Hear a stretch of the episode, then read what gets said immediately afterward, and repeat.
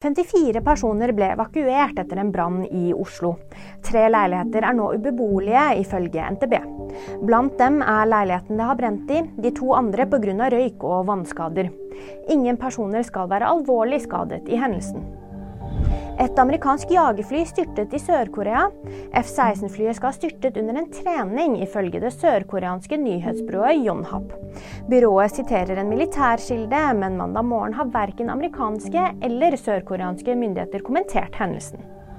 Donald Trump vil ikke vitne i retten i dag. Det deler han på det sosiale mediet Truth Social. USAs tidligere president er saksøkt for bedrageri. Han sier seg fornøyd med forklaringen han ga for noen uker siden. Dermed ser han ikke noe grunn til å møte i retten mandag. Mer om dette og andre nyheter finner du alltid på VG.